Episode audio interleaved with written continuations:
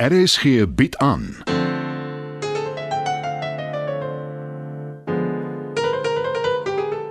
Die Lingervelders deur Marie Snyman.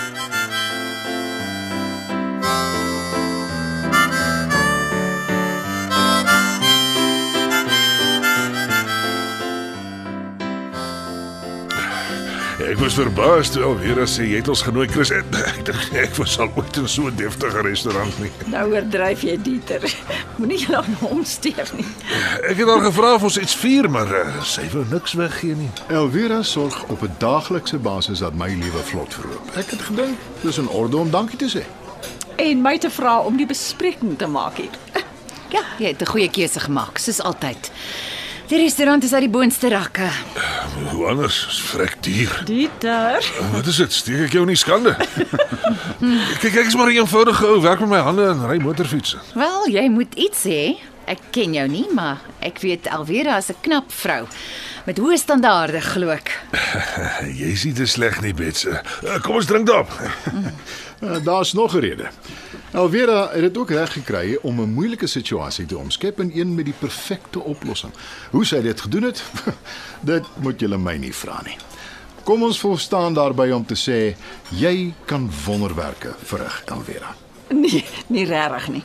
Jou goeie naam is wat eintlik die knoop deurgehak het. Hoe dit ook al sê. Ek wil 'n huildronk instel op Elvira. Hy. Is dit 'n geheim of mag ek en Dieter ook weet? Alles behalwe. Dieter het nie veel belang daarbey nie. Dis eintlik vir jou, Bets. Ek weet nie of ek bang of bly moet wees nie. Beslis bly. Gaan jy Bets vertel of sal ek alweer?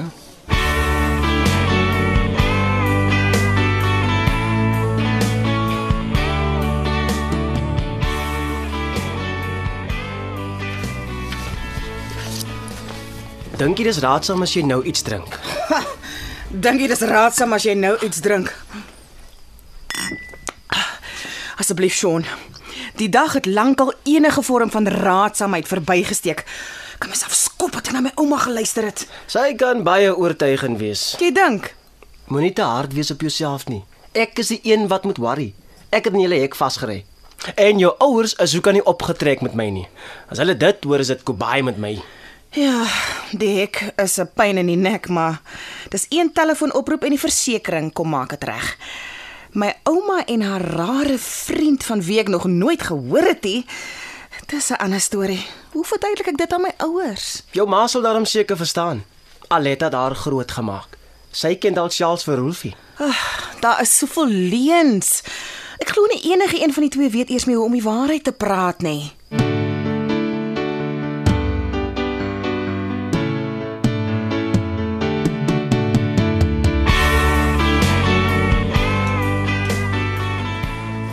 Elvira het dit reg gekry om vir jou ma 'n plek in die versorgingseenheid te kry.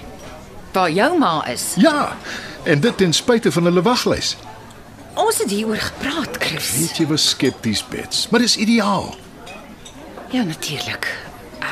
Um, sal, sal julle my verskoon asseblief? Ek wil net gaan my neus gaan poeier. Ek ook.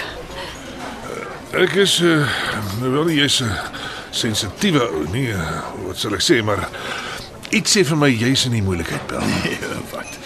Vertel my van jou motorfiets. Hoeveel perdekrag is dit? Nou praat jy my taal.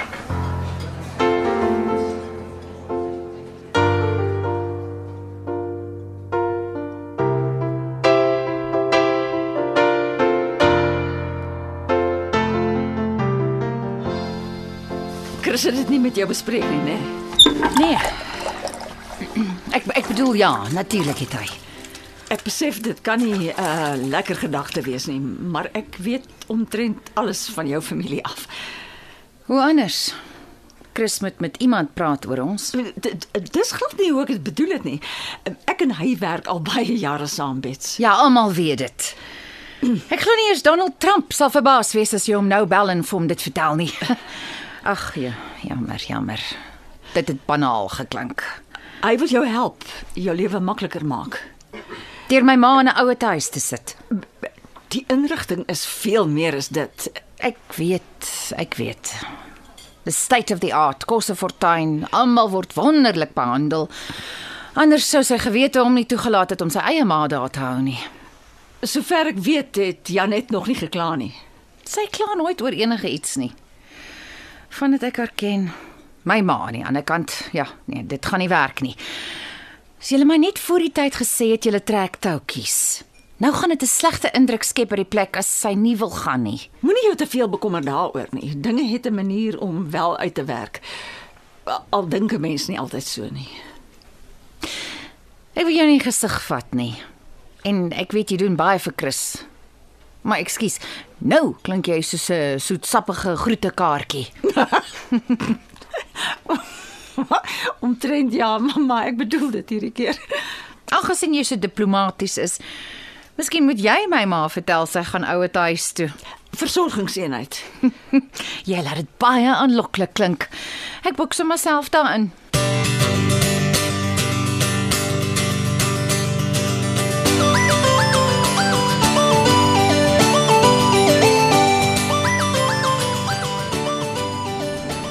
Jy jou darm nie te veel van my geskaam vanaand nie.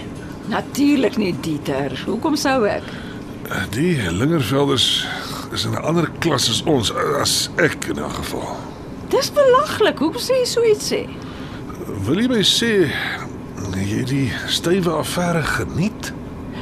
Die kos was lekker, die geselskap was aangenaam. Ja, hoekom nie? Ek reken hy is bang vir sy vrou.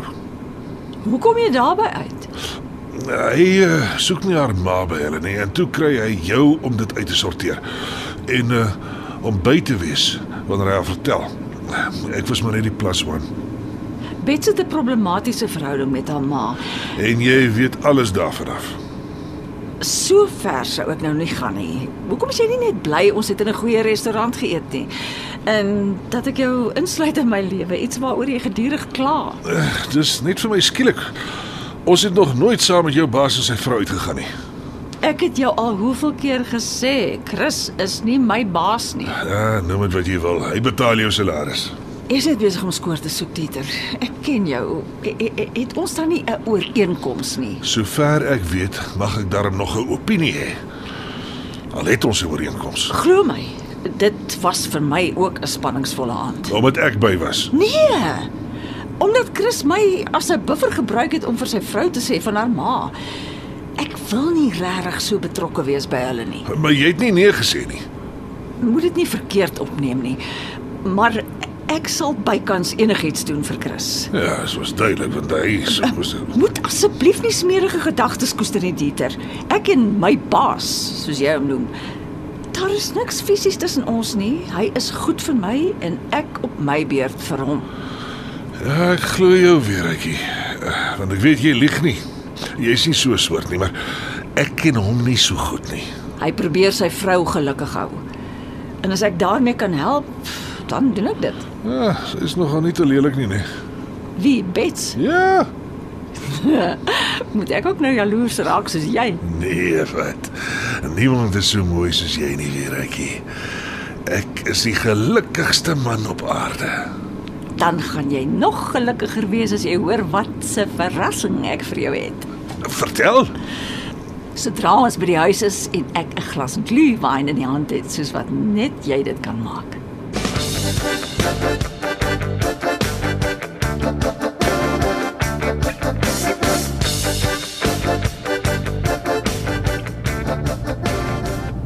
Jy's baie stil. Jammer. Jy's kwaad oor Aletta. Kwaad. Nee. Nee, Chris, ek's moedeloos. En ja, ek besef jou bedoelings was goed. En jy het selfs vir Elvera bygesleep om dit makliker te maak. Dis iets wat ek op die ingewing van die oomblik besluit het om haar en Dieter te nooi. Ek doen nie jy sulke goed nie. Dit was 'n goeie gebaar. Ek het hom nog nooit ontmoet nie. Ek moet sê ek hou nogal van hom. Ek kan weer nie juis vat kry aan hom nie.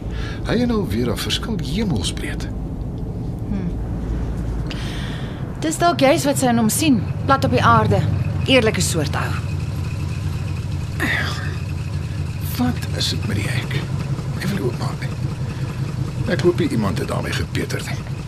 O, oh, uh, paps, die hek is stukkend. Oh, ons maak dit nou oop. Wat maak die affair hier?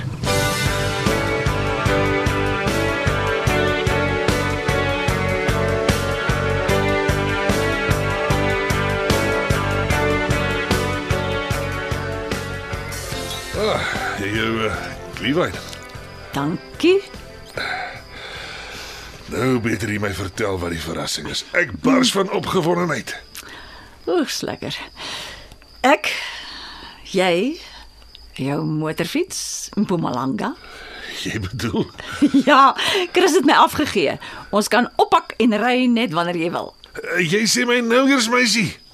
maar jy kan 'n geheim hou, jy kan maklik 'n spioen gewees het. Dit was my eerste beroepskeuse. Dit maak my beide opgewonde en uh, bang.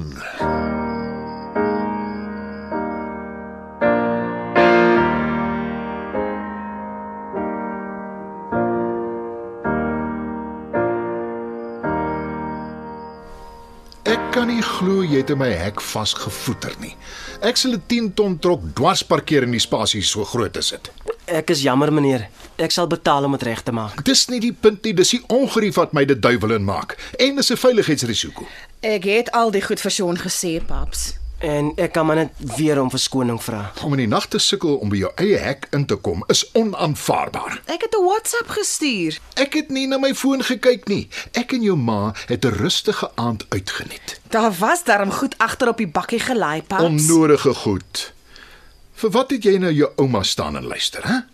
Jy weet sy's 'n aardsmanipuleerder. Sy het my gevang met 'n lang storie. Ah, tipies. Maar haar vlerke gaan binnekort geknip word. Dit kan ek haar beloof. Bets, jy sê niks nie. Dis jammer dit het gebeur en ek is jammer jy's ingesleep by ons familie se probleme, Sean. Maar sal julle twee ons verskoon? Chris, ek dink ons moet alleen gesels hieroor. Ja, mevrou. Dankie mevrou en jammer. Jy kan maar nou ophou jammer sê my ouma's in groter moontlikheid as jy of ek. Moenie te seker wees daarvan nie. Met jou sal ek ook nog afreken. En jy, Sean, kan nou huis toe gaan. Ja, meneer. Dis nie die helfte van die storie, paps. Gaan hoor maar by oumie. Ek dink dis presies wat ek nou gaan doen. Chris, wag, dis nie 'n goeie idee nie. Nee. Smeer die yster terwyl dit warm is. Ek ken haar beter as enige een van julle. Los haar vanaand. Gee haar tyd om na te dink oor wat sy aangevang het. Jy bedoel seker om verskonings uit te dink. Inteendeel. Sy gaan nie haarself uit hierdie een wurm nie. Ek hoop jy's reg.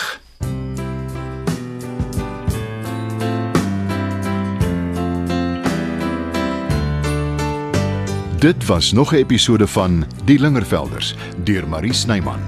Die spelers is Chris Anton Schmidt, Bets Heidi Molense, Elvira Elma Potgieter, Aletta Rina Ninaber, Pearl Eloise Kipidu, Danny Pietie Beyers, Dieter Anton Dekker, Sean Donovan Petersen, Frank Christo Kompion en Rolf Paul Likoff.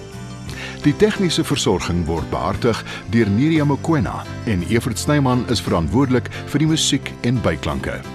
Die Lingervelders word geskryf en in Johannesburg opgevoer deur Marie Snyman.